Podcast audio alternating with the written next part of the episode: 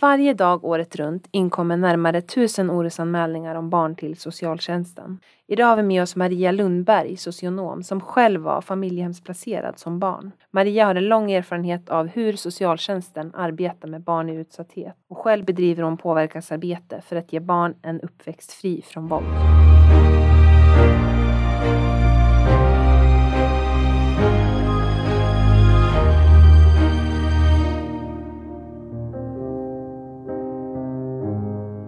Ja, hej och välkommen till dagens avsnitt med mig Rebecka Hagman, kommunikatör på Skyddsvärnet.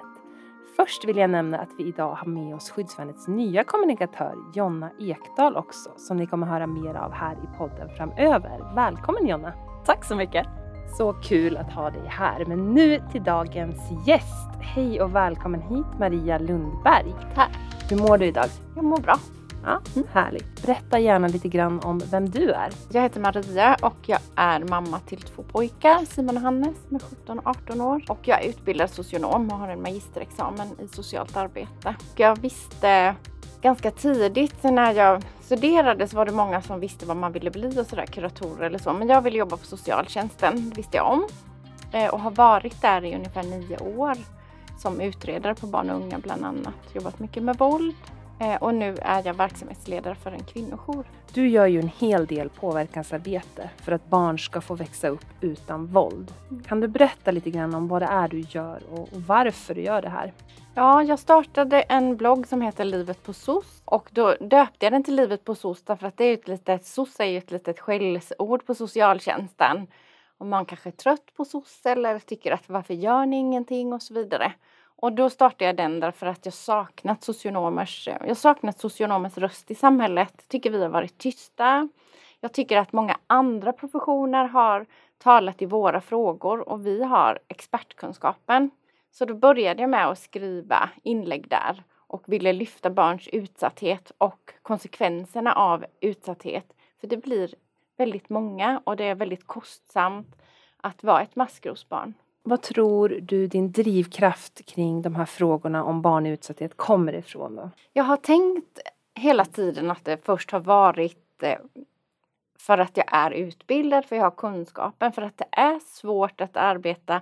Jag intervjuade bland annat Anna Kåver här, nu psykolog och psykoterapeut, om att jobba med barns utsatthet och känslor det väcker. Mm. Och då skriver hon att, att det är en av de svåraste delarna man kan göra, möta barn som inte mår bra. Så det väcker väl också liksom en drivkraft tycker jag. Sen tycker jag socialtjänsten får mycket mer skäll än, än vad den är förtjänt av egentligen. För det finns ju samhällen där barn växer upp utan ett socialt skyddsnät och det alternativet är inget att rekommendera. Så att, sen kan vi alltid bli bättre. Jag tänker det finns ju mycket att göra, det skriver jag också om. Jag är ganska krit, både kritisk men också glad över socialtjänsten. Jag tycker att jag varvar i mina inlägg vad jag tycker att vi saknar och vad jag tycker också är bra. Eh, men sen är det nog min egen utsatthet. Det har jag inte velat tänka så mycket på. Men jag är ju själv ett maskrosbarn. Jag har vuxit upp med våld. Jag har vuxit upp med våldets konsekvenser. Och jag har använt nästan hela mitt vuxna liv till att bearbeta det jag har varit med om. Det önskar jag att barn ska få slippa. För det var det vi skulle komma in på lite grann och backa bandet. För du som, som du nämner, du har ju själv varit familjehemsplacerad som barn. Ja. Om vi börjar där, kan du berätta lite grann om den tiden och hur det var för dig? Jag eh, har varit sexuellt utnyttjad av min pappa i från jag var 10 tills jag fyllde 16 mm. och har levt med våld och polisen har varit hemma så det var ruffigt från start hos oss. Det jag kunde tänka i efterhand är ju hur kan ett barn vara aktuell i socialtjänsten under hela sin uppväxt och ändå behöva ta sig därifrån själv. Det är jag fundersam över och jag kan delvis också förstå via att jag förstår lagstiftningen nu. Jag gick på gymnasiet och började tappa i vikt ganska mycket, slutade äta Eh, var en tyst flicka. Jag hade kunnat gå igenom hela skolsystemet utan att någon egentligen hade vetat att jag gick i klassen. Dels kanske det var skam, det vet jag inte. Jag berättade inte för någon hur jag hade det, men det gav ju andra uttryck. Då jobbade en ganska modig, tycker jag, eh, sjuksköterska där. En pensionerad som var inne extra på skolan. Hon förstod att jag inte mådde bra. Mm. Och hon sa, jag vill att du kommer till mig och väger dig en gång i veckan. Vilket jag gjorde och sen larmade hon till kuratorn som sen larmade socialtjänsten. Så så uppdagades allt av en modig sjuksköterska. Om du ser på hur situationen för dig var då och hur det är idag. Är det stora skillnader tror du? Just det här med alltså att fånga upp och skyddsnätet som finns och bristerna som kanske fanns då. Finns de kvar idag skulle du säga?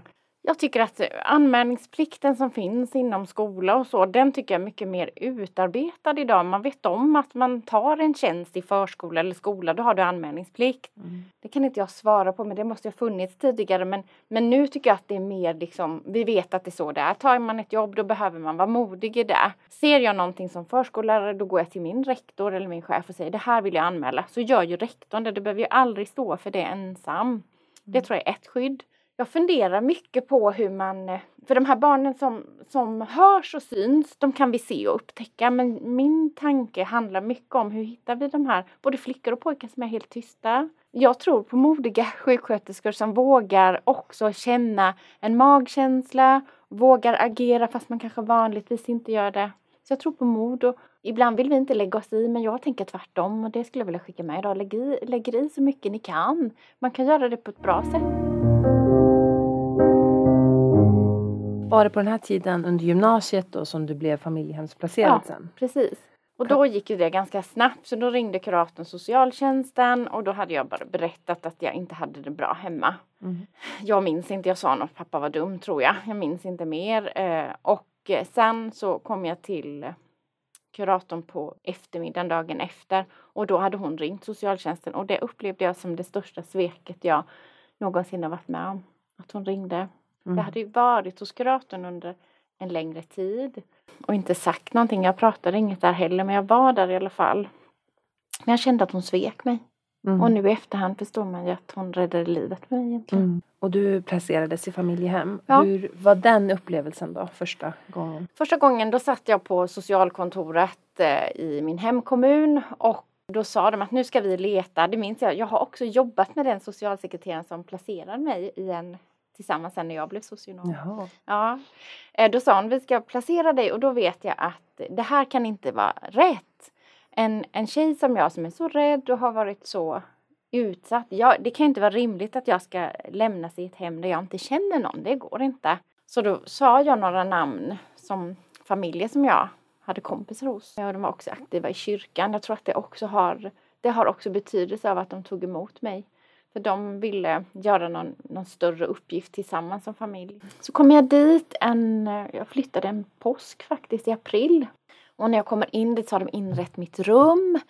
Ett jättegulligt rum där jag hade möjlighet att välja gardiner, överkast. Ja, det var helt häftigt. Mm. Och det jag minns mest var att jag kunde få vara ensam. Om jag stängde dörren till rummet så fick jag vara där. Här blev jag kvar tills jag var 20 tror jag. Och sen flyttade jag till en egen bostad. Finns det något med din kunskap som du har idag som du kan säga att barn generellt föredrar när man hamnar i, en, i ett familjehem? Vad är viktigt för ett barn då? Jag tror att, för den här rapporten som Socialstyrelsen har kommit med nu, där har de intervjuat barn i samhällsvård eh, och frågar också vad de tycker och delar av det som de nämner är att få vara med och bestämma, att få veta hur processen ska gå till, att man är delaktig också få veta om man får bo kvar eller inte. Det. det. tror jag är viktigt. Men viktiga delar, för, och som de också nämner barnen, är att man ska känna att man är en i familjen. Är det någon pojke som säger i, i rapporten. Och det kunde jag känna igen mig i, att det var så viktigt. Jag kommer ihåg att jag gick och tittade, att jag absolut hade samma färg på handduken som resten av familjen. Mm. Det skulle man kunna hänga upp slarvigt, eller jag skulle kunna göra det nu mm. och inte tänka. Men det var jätteviktigt för mig att jag också hade rosa när alla andra hade det. Så sådana små, små, små saker, saker, tror jag som var. Jag fick gå och äta i kylen om jag ville. Mm. Fick en egen nyckel. Ja, sådana grejer som vi tar för självklart är jätteviktiga. Hur går det till när någon gör en anmälan till socialtjänsten idag? När man gör en orosanmälan till socialtjänsten är det vanligaste att man har ett eget mottag. Det finns små kommuner som inte har det och då gör den utredande socionomen tar den första delen av det. Då kan man antingen skriva in om man vill ha skriftligt eller ringer man in. Det spelar ingen roll hur anmälan kommer fram. Men socialtjänsten vill ofta ha också skriftligt så det kan man ju bära med sig. Det som är viktigt att tänka på när man gör en anmälan tycker jag, vill jag vara anonym, säg att jag vill anmäla ett barn i min absoluta närhet som jag tycker känns obehagligt eller man ser, jag tänker något barn som far illa, man ser på gården och upptäcker där någonting och vill göra den anonymt, då behöver man ringa från ett anonymt nummer som inte går att spåra. Och du behöver också säga som första mening, hej jag vill göra en orosanmälan. Men vi är så vana vid i vår kultur att säga, hej jag heter Maria. Och då har man redan brutit den sekretessen av att man är anonym. Och jag tycker att jag föredrar, kan man säga, kan man stå för det man har sett så är det det absolut bästa. Men det avgör man ju själv. Då, då har utredaren och mottaget 24 timmar på sig och då gör de en bedömning som heter Är barnet behov av akutskydd? Och det måste göras inom 24 timmar. Och då får mottaget bara ta de kontakterna. Den som har anmält får man prata med och man får prata med barnet och med vårdnadshavare. Gör man ett hembesök då eller man tar andra kontakter, då har man redan öppnat utredning, säger lagen.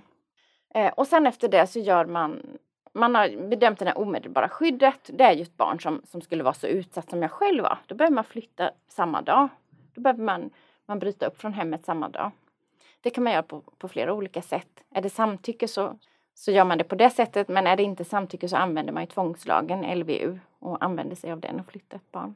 Sen har man 14 dagar på sig inom det som kallas förhandsbedömning.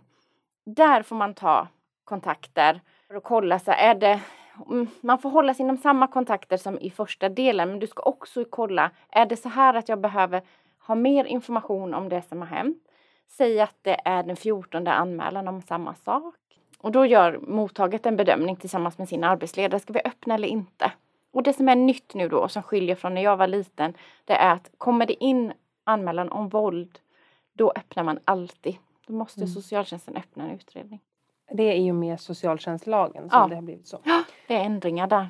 Han har eh, skärpt lagen kring Mm. barns skydd. Så. Gör det här stor skillnad tror du? Ja, det tror jag. Därför Mm. att tidigare så blev det ändå en bedömning mellan vad som skulle kunna vara vad. Men om jag säger att jag misstänker våld, då måste man öppna och då måste man Mm. titta. Jag tycker personligen att det är bra. Det blir mer öppnade utredningar, men, men det är bra. För, för det är de ögonen som barnen kan få. Och det är från socialtjänsten. Och sen efter det så bestäms det att den här ska öppnas utredning på. Då får en, en grupp som jobbar med, man är uppdelad i olika 0 till 18, det är lite blandat hur socialtjänsten är uppdelad. Men en av utredarna, eller två är det ofta, får utredningen. Då gör man en utredningsplan och kollar vad är oron, eh, vad är det vi behöver, vilka kontakter behöver vi ta och så kallar man hit vårdnadshavarna. Just det här nu pratar vi lagar, socialtjänstlagen och det känns liksom komplicerat och sådär. Men går den att beskriva kortfattat för någon som faktiskt inte vet vad den är för någonting eller vad den betyder? Socialtjänstlagen är ju en, det är en, vi kallar det för lågtröskellag och det är ganska viktigt att veta. Därför att när man anmäler till socialtjänsten då anmäler man på oro. Eh, jag kan misstänka, vi säger att jag ser ett barn dag ut och dag in och tänker han har aldrig vinterjacka eller jag fattar oro. Då kan jag ringa till socialtjänsten och säga, vet du vad, jag är orolig för Kalle. Jag vet inte alls hur han har det men jag undrar om ni kan kolla över det. Det betyder i sin tur att väldigt många personer kan bli aktuella inom ramen för socialtjänsten. Personer som man kanske tycker att man har klarat det mesta i livet, man har jobb och allting är ordnat. Kan ändå bli så att eh, Kalle säger något i skolan eh, och läraren fattar oro för det. Och eftersom du inte behöver bevisa någonting utan bara känna att jag skulle önska att någon tittar på det så, så kommer, och det är så, ganska många passerar igenom. Men det är inte så många som man öppnar utredning på eller som det blir en insats. Men ganska många blir aktuella och det beror på det. Och så är lagen tänkt.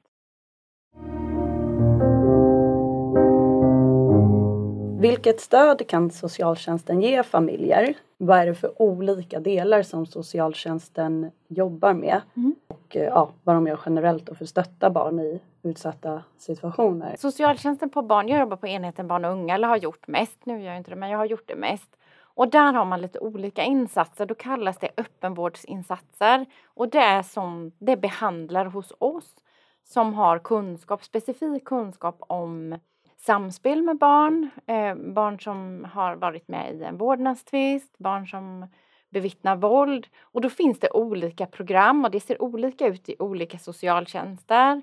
Men du kan gå ett program till exempel där eh, vi ser att både föräldrarna tillstår våld och barnen har varit utsatt. Då går man ett parallellt program på några veckor, det brukar vara tio gånger eh, utspritt över så. Och då så jobbar föräldrarna med en behandlare och pratar om hur kan vi uppfostra barn, eller vägleda vill jag säga, barn utan våld. Vad skulle behövas för att kunna, man måste gränssätta.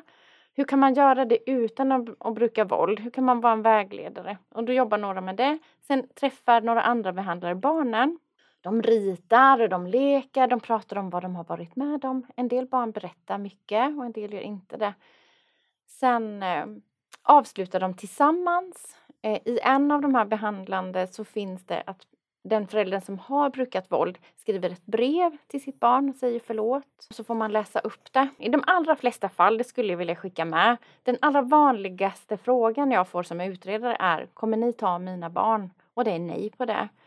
Socialtjänstlagen kom till som, och hela idén bakom är att, att se det har blivit ett bekymmer. Vad kan socialtjänsten göra för att lösa det så att ni kan få det så bra som möjligt? Det är huvudidén med socialtjänsten.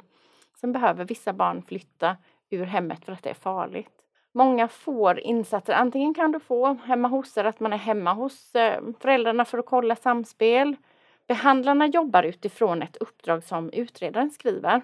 Så den som utreder behovet ser det här tycker jag skulle behövas så lämnas det över som en vårdplan till eh, behandlarna och sen lägger de genomförandeplanen. Så då säger de det här, vill, det här har utredaren sett och det här ska vi jobba med. Och då blir det liksom huret säger vi. Hur ska, hur ska pappa gränssätta? Kalle vill aldrig komma och äta. Hur kan man lösa det? Så jobbar man specifikt med de frågorna.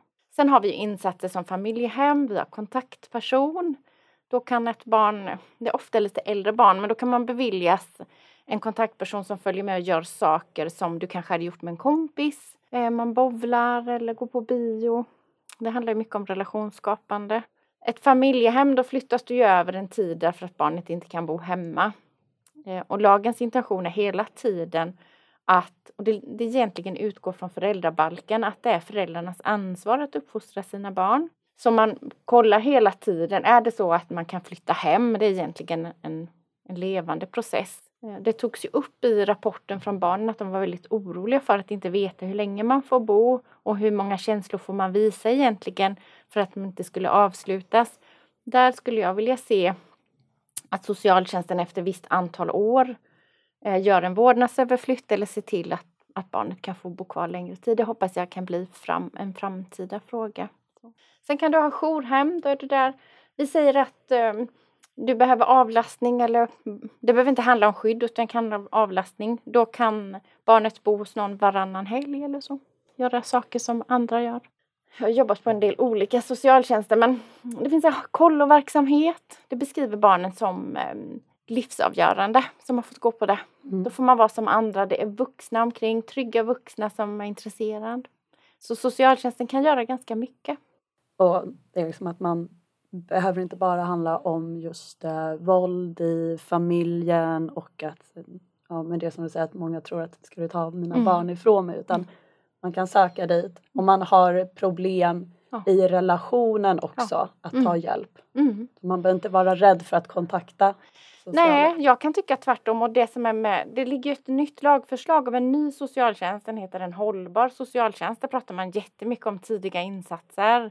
Jag hoppas att det också är en politisk fråga där man vill tillsätta medel för det. För det vet vi ju också att ju tidigare du kan börja att hjälpa ett barn, ju mindre blir ju konsekvenserna här framme. Det, det finns ju massor med forskning på.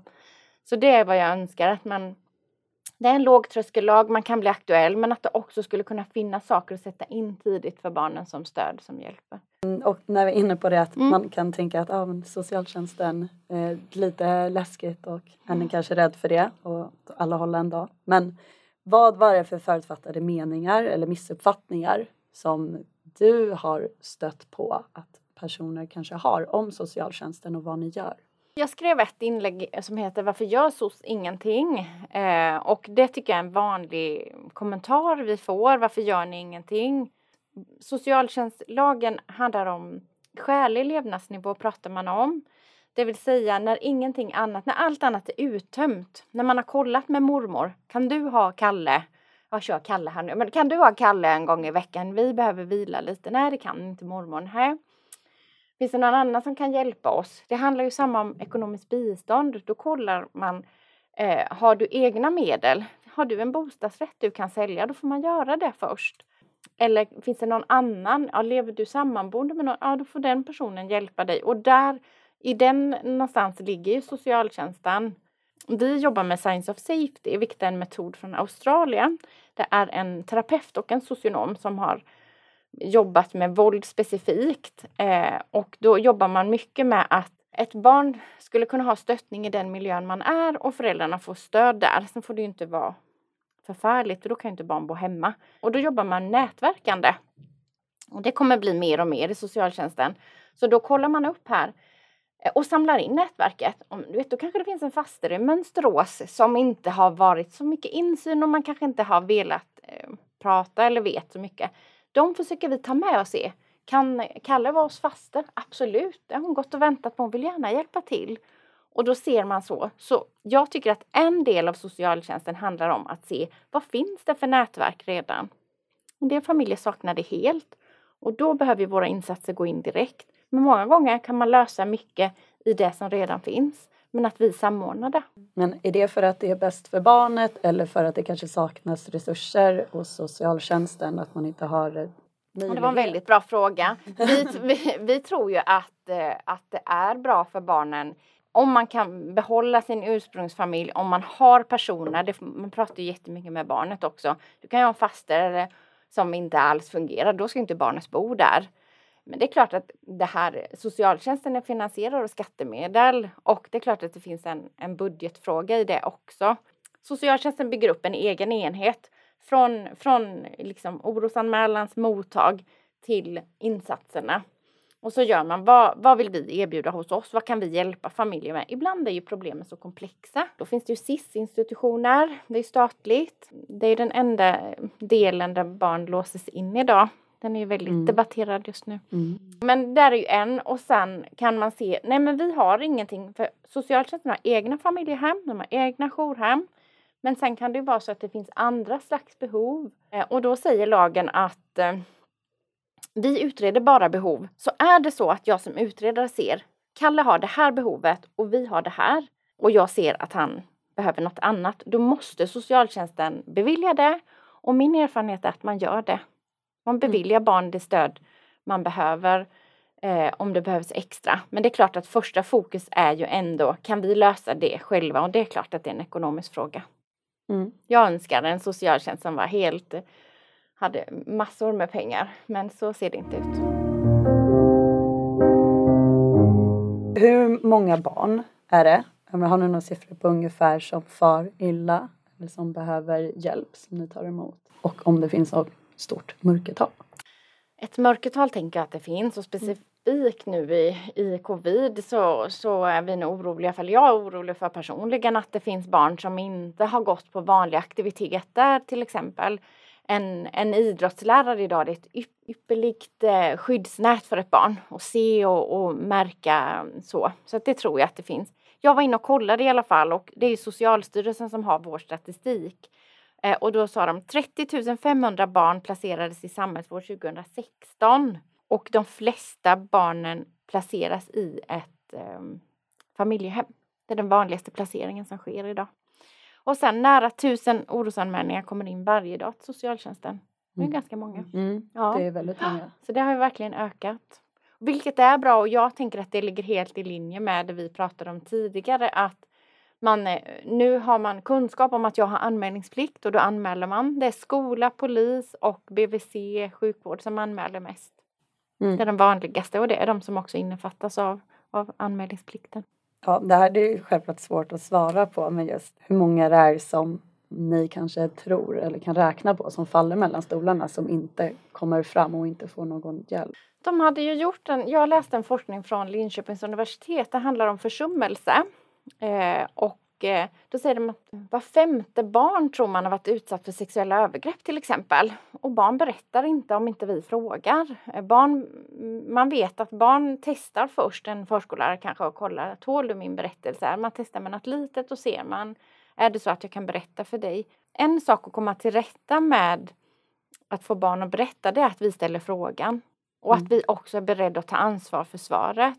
Och det är väl det som kan vara en av kritikerna mot socialtjänsten, att barn kanske berättar men det blir inte ändå den insatsen eller det stödet som barnet hade behövt. Och det är ju på ett vis ett svek. Vad är det för liten grej? Har du något så här konkret? Vad om man inte förstår vad barnet berättar? Om, vi säger så här, om de berättar en liten sak för att testa, vad kan det Mm. vara? Det kan ju vara vad som helst. Ska det handla om sexuella övergrepp så kan det ju vara att man berättar någonting, att, att man kanske har ont någonstans i kroppen eller att min pappa brukar springa runt Jag vet inte, att man ger någon liten hint om att det inte är bra. Därför att eh, det är svårt att berätta. Och Mm. barn, i, barn berättar i regel inte om sin utsatthet. Barn är oerhört lojala med sin förälder, det ska man ha med sig. Mm. Den första januari 2020 så blev barnkonventionen lag i Sverige. Mm. Hur har den lagen förändrat situationen för placerade barn? Och kanske framförallt hur den förändrat hur socialtjänsten arbetar och eh, kommit in fler anmälningar eller kan inte säga om det har kommit in mer anmälningar, det tror jag inte kring det, men det finns ju en, eh, ett mycket tydligare resonemang kring att barn har rättigheter. Nu är det lagstadgat och vi, det vi har ändrat inom, soci, inom socialtjänsten är att vi gör en barnkonsekvensanalys och det gjorde man nog inte lika tydligt. När du har gjort din utredning och sen ser du jag vill bevilja det här stödet eller vi kan inte göra det av den här anledningen. Så dels kommer barns vilja och röst till tals. Det måste dokumenteras. Det har nog inte alltid gjorts, men det, det är barnkonventionen som lag en del i. Det behöver skrivas ner. Socialsekreteraren måste skriva ner vad har Kalle sagt om det här och vad skulle han vilja. Sen är det svårt och man får skilja mellan barns vilja och barnens bästa. Och det tycker vi är vanlig barnuppfostran att en tvååring som vill springa rakt ut i vägen eh, för han vill över någonstans, det vet vi att det är inte barnets bästa men kanske hans vilja. Och däremellan hamnar ju också lagstiftningen så man tittar hela tiden på ålder och mognad. Eh, kan, är Kalle så pass gammal, kan han uttrycka sig så pass tydligt att han själv vet? Var vill han bo till exempel? Vad mår inte han bra av eller vad mår han bra av? Kan han uttrycka det? Eh, men det viktigaste är nog att man gör en, en, man behöver göra en analys av vad resultatet blir när man har varit aktuell. Mm. Så det är en sorts riskanalys kan man säga. Ja, som man gör. Det är det. Nu, gör, vi- nu fattar socialtjänsten det här beslutet. Vad skulle det kunna bli för framtida risk? Det vet vi att växa upp med våld innebär många risker. Den risken får man ju inte ta. Och då behöver man hitta en insats där. Vad är det för risker som ni ser att det kan leda till? Man pratar om försummelse, barn som eh, uteblir av saker, läkarbesök, man har inte kläder för väder, man kanske inte har mat hemma, man har inte tillsyn. När man har tittat på den senaste forskningen kring försummelse, där våld också ingår, eh, inte, inte fysiskt våld på det viset, då är det ju uppenbart med skador och så, men, men det här vardagliga som pågår under lång tid, konsekvenserna av försummelse under lång tid är samma som om du varit utsatt för sexuella övergrepp eller fysisk misshandel. Jätteallvarligt. Man har ångest, ont i magen, barn äter ju SSRI tidigt idag. Det blir många symptom. Mm. Tilliten tror jag, om jag skulle lyfta någon så tänker jag tilliten. Tilliten till vuxenvärlden, de som ändå skulle vara de som stöttar dig genom livet. När den liksom fallerar och man inte känner tillit, det skapar bekymmer nästan i alla relationer man har. Sen tänker jag, om man skulle tänka vidare på barnfattigdom som är en del i försummelse. Då har man sett att barn slutar uttrycka en önskan och det, när jag tänker på det så gör det så ont. Jag, man tänker att man spelar i ett par för trånga gympaskor därför att man vet att mamma inte har pengar. Mm. Eh, man börjar säga att man inte vill gå på ett kalas därför att man vet att det finns inte pengar. Och jag Mm. tänker mycket på vad händer med ett barn som hela tiden... Vi säger att känslorna är våra vägledare, det är de som ska vägleda oss framåt. Om någon överträder gränser då blir man förbannad. Eh, om någon försvinner som man tycker mycket om då blir man ledsen. Om man hela tiden jobbar med som barn att hela tiden försaka dem eller inte låtsas som att man har dem. Vad händer i längden? Det vet inte jag men jag tänker att det blir svårigheter i andra relationer. Våra barn i socialtjänsten nu ska växa upp och bli goda medborgare och få bra liv. Det är hela meningen. Du skriver mycket om relationen mellan det familjehemsplacerade barnet och socialsekreteraren. Hur ser den ut? Den ser lite olika ut och det barnen hade sagt i rapporten var ju att en del var ju oerhört nöjda. Någon såg ju sin eh, socialsekreterare nästan som en morsa. Jag ringer och så löser hon det. Jag vet att hon bryr sig. Någon såg ju sin socialsekreterare som en som aldrig eh, kunde hålla det hon hade lovat. Hon sa att hon skulle ringa men det gjorde hon inte. Och en tanke som jag fick av det som jag funderade över eh, var hur socialtjänsten har valt att dela upp sin eh, tjänsten kring socialsekreteraren. Det finns på två sätt, kanske fler, men, men jag vet två. Och det ena är att socialsekreteraren är med från början, utreder och sen så fattar jag ett beslut och sen följer jag upp vården. Då behöver kommunen ha tänkt till att det finns en rimlig arbetsbörda för den här socialsekreteraren. Det vill säga att hon har, eller han, så många ärende kallar vi det, så att man också ror i land hela delen. Jobbar du med våld och har mycket här i början och du ska eh, göra hembesök och du ska eh, ha möten och så, då kan ju lätt uppföljningsinsatserna bli lidande. Man kanske ringer familjehemmet och kollar, har Kalle det bra eller så? Eh, man kanske inte hinner ta alla samtal man kan. I andra kommuner, då har man valt att göra en del som utredare och de andra jobbar med insatsen. Då skriver jag min utredning, berättar att Kalle ska bo i det här familjehemmet och så lämnar jag över till nästa utredare som bara jobbar med insatsen. Då följer hon eller han upp. Eh, och det tycker jag personligen är ett bättre sätt att arbeta. Men man kan tycka olika om det. Det som är fördelen med att eh, ha hela spannet är ju att du har skapat en relation i början, tagit in de allra svåraste berättelserna och sen får du följa hela vägen. Det finns ju jättemycket att vinna på det. Mm. Men då måste arbetsbelastningen ses över. Och det är också en av mina frågor att, att vill man ha en hållbar socialtjänst så behöver man också gå in och bemanna upp där. Inte bara med konsulter som hoppar in utan man behöver stärka upp hela socialtjänsten. Men det kan vara en för, fördelen med att dela upp det på två sätt är att man kanske har haft en, en ruff kontakt här i början. Kalle kanske är skitarg på det, tycker du är det dummaste som finns. Mm. Då kan ju när nya utredaren kommer in kan man skapa en helt ny relation som gör att han får känna tillit. Jaha, men det här är en, en socialsekreterare som vill veta hur jag mår. Det beskriver barnen i rapporten som en av de viktigaste frågorna. Jag vill att en vuxen ska bry sig om mig på riktigt. Det tänker jag att det skulle kunna borga för. Eh, och den här rapporten jag pratar om det är från Socialstyrelsen. Den heter Att lyssna på barn i familjehem och den släpptes nu 2021. Vi har ju varit inne lite på det här vad, eh, vad det är man kan göra en orosanmälan eh, mot och vad man kan vara uppmärksam på, vilka mm. tecken som barnen kan ge eller hur de testar. Mm. Jag tänkte om du har några konkreta tips som man kan bära med sig. Vad är det för någonting lite generellt, vad man kan vara uppmärksam på mm. när ett barn kan fara illa? Är det uppenbara skador så kan ju barn ha blåmärken på olika ställen som man inte känner igen. Eller så. Sen kan ju barn vara aktiva och riva sig, men det kan man ju vara uppmärksam på. Men sen tänker jag de här subtila sakerna. Eh, vi får in eh, konsultationsdokument från förskola och skola. Eh, och då kan en del personal skriva att Kalle, jag kör Kalle igen då, Kalle han söker väldigt mycket vuxenkontakt. Och det skulle jag säga är en, en signal att ta, ta vara på. Vad är det som gör att Kalle söker dig som pedagog hela tiden? Eh, vad är det han kanske saknar? Det kan ju vara barn som gör det men då tycker jag att där ska nyfikenheten ändå ta vid. Jag träffade en flicka, hon var nio år och då stod de henne, hon söker väldigt mycket vuxenkontakt men hon är en, en, en duktig flicka i skolan, och sköter sina saker. Hon levde med en mamma i aktivt missbruk och hade ansvar för lillebror. Eh, och hade ingen att prata med helt enkelt. Och det jag brukar skicka med är att jag tänker inte specifikt via min blogg att cykla runt och leta nu i hela Stockholm, var finns alla barnen? Utan kolla i närmiljön.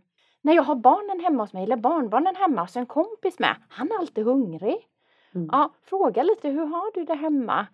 Och bjud alltid på mat om man har möjlighet. Och det behöver inte vara något dyrt, men alltid. Du vet aldrig vilka barn som Barn som har levt så här beskriver att man var ständigt hungrig. Jag intervjuade Susanne Osten som har vuxit upp med en mamma som har haft bekymmer. Hon sa hon var alltid hungrig och det kan jag hålla med i att det är en, en, en bra grej för skolan också att se. Någon som aldrig tycks bli mätt till exempel. Sen mm. det här vanliga kläder för väder. Ett barn kan inte gå i gummistövlar när det är minusgrader gång efter gång. Då behöver man kolla. Hur, hur ser det ut hemma? Barn är lojala, det vet vi. Barn i fattigdom eh, skulle aldrig förråda sin föräldrar den forskningen som har visat kring barnfattigdom är idag snarare att barn tar ansvar för den gemensamma ekonomin och håller skenet utåt. Då kanske man kan hjälpa till på andra sätt. Jag tror på den här gympaläraren som såg någon eller läraren i skolan, man fick sitta i knät en stund. Jag tror på sådana skyddande faktorer att det kan betyda väldigt mycket för barnen. Och har man då skapat ett klimat där alla känslor är okej, okay, då kommer berättelsen också. Det är vad jag tror. Så om man känner då som vuxen att eh, ett barn kanske tyr sig väldigt mycket till en och kanske vill sitta nära och kramas och sånt mm. där fast man kanske inte har egentligen den nära att man kanske inte är mormor eller farmor mm. eller farfar sådär. Mm. Att man kan vara lite obs på det då och tänka på det. Ja. Ska, tycker du att vad som är bäst att göra att en kanske frågar föräldrarna då och säger ja men eh, ditt barn har varit väldigt kramig och nära. Är det någonting det kan ju vara väldigt känsligt. Är det bättre då att kontakta socialtjänsten? Jag skulle säga att det beror på vilken relation du har. Vi hade en, ett par barn hemma hos oss när barnen växte upp eh, Eh, som kom från en annan kultur. De hade en annan eh, sätt att uppfostra barnen på. Man uppfostrar med våld och så, är man, eh, in, så gör man. Eh, och de barnen var hemma hos oss mycket. De hade inga tider när de skulle gå hem. De sov över. Det var som, då gick jag ner till mamman och sa, vet du vad, det här behöver, det här behöver du ha koll på. Jag var inte orolig för någon uppenbar fara för barnen men ville ändå meddela att eh, för barnen själva upplevde till slut att de förstod att det är ingen som hämtar oss och det blir en utsatthet i sig.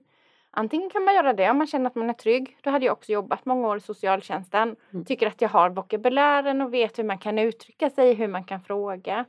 Skulle man vara osäker är det en väldigt nära relation, den kan man ju sabba genom att, att påtala någonting och vem tror du att du är då? Mm. Är det ett barn som är lite äldre skulle jag fråga. Jag ser att du alltid är hungrig. Du får jättegärna äta och så är jätteskoj när du och så tycker om det. Jag blir ibland lite orolig. Hur har du det hemma? Det kan man fråga. Mm. Utan att liksom fråga inför alla andra barnen. Utan att kränka. Och då vet det här barnet, här är en person. Du kanske du blir den personen som Kalle vågar berätta för dig. Jag har det inte bra. Är snart sommar och skolor och förskolor stänger för lov och det här kan ju innebära en otrygg tid för många barn som lever i utsatthet i hemmet. Vilka insatser tycker du borde finnas för att förhindra det här och hur kan samhället göra det tryggare? För det är ju oftast att allt bara stänger ner och så går man på sin semester och mm. så finns de här barnen kvar i sin ja. verklighet. Mm. Alla barn vill inte ha sommarlov. Det är en av de viktigaste sakerna att skicka med. Så mm. är det ju. Eh, det jag ser nu i vissa kommuner är att man drar in på till exempel sommarkollo. När kommunerna, politiker det ju, tittar på sin budget och kollar vad kan vi dra in på. Eh, då blir det där. Jag skulle göra tvärtom. Jag skulle önska att upp med alla sommarkollo som finns. Som jag sa tidigare, barnen beskriver helgkollo som livsavgörande. Mm. Man får träffa en vuxen man får vara med, kanske finns kläder, man kanske får någon idrottsklädsel så man också får vara en i gänget. Det skulle jag se som det allra. Och sen tänker jag, beroende på hur man är som familj, men säg att eh, du är nära vän med, med någon som känner, eller Kalle går i dina barns klass. Mm. Och så ska ni till Gotland som vanligt. Kanske han kan hänga på. Tänk att göra så en, en sommar eller jul. Vad gör det? Kalle och hans mamma kanske kan hänga på vi går ofta och tänker så här, om jag skulle vilja göra något mer. Livet pågår ju bara nu. Eh, och, och det behöver inte vara så stora grejer men man kanske har gått och tänkt så här, ja men jag, ska, jag skulle vilja bli kontaktperson men man tar liksom inte reda på, men det är så enkelt. Man ringer socialtjänsten och säger hej, jag skulle vilja bli kontaktperson. Man gör en utredning och kollar. Eh, och sen träffar du ett barn en gång i veckan. Går på bio, badar, fikar. Det behöver inte vara de här jättestora sakerna att man öppnar upp och blir familjehem eller går de kurserna. Det finns så mycket annat. Mm. Ta med Kalle på bio när ni ändå går. Mm. Det är mina tips. Bra tips. Just civilsamhället då, har du några åsikter där hur, hur civilsamhället eller den idéburna sektorn kan spela in och kanske backa upp i sådana här perioder? Jag tycker att civilsamhället är fantastiskt. Eh, och det är ju där vi, vi ser ju att när socialtjänsterna rustar ner och när politikerna väljer att spara in, då, är det ju, då ser man ju ännu mer vikten av civilsamhällets resurser och där tycker jag man har hittat människor som är idéburna. Eh, vilket betyder att man har ett engagemang utöver det här liksom 9 till 5. Eh, man kanske har eh, en egen utsatthet, man kanske har eh, en känsla av att man vill göra något annat. Och jag tycker att det finns både mycket vilja och engagemang. Så, så där tänker jag att socialtjänsten, och det har jag gjort som utredare, kollat vad finns det för andra insatser eh, som inte kanske kostar någonting men som kan finnas som du säger, kanske både ha öppet på kvällar, helger, Mm. när socialtjänsten stänger ner. Jag tror på ett samarbete och jag skulle önska att det blev ännu tydligare att vi kan jobba tillsammans. Båda behövs. Verkligen. Då ska vi avrunda med den sista frågan som vi ställer till alla gäster som deltar i den här podden. Och det är om du kan dela med dig av någonting som du tror att många inte vet om dig. Ja, då tänker jag så här, jag kan jula fortfarande. Jag är en gammal gymnastikflicka. Så Oj. det tror jag inte folk vet. Mm, Och eh, min, det jag brukar kombinera är kaffe och turkisk peppar. Men det vet en del, men det tycker jag är Oh. gott. Spännande. Ja. det får vi prova. Men Maria, då vill vi säga stort tack till dig för att du kom hit idag och delade med dig av din otroliga viktiga kunskap och erfarenhet inom det här. Tack för att jag fick komma. Tack.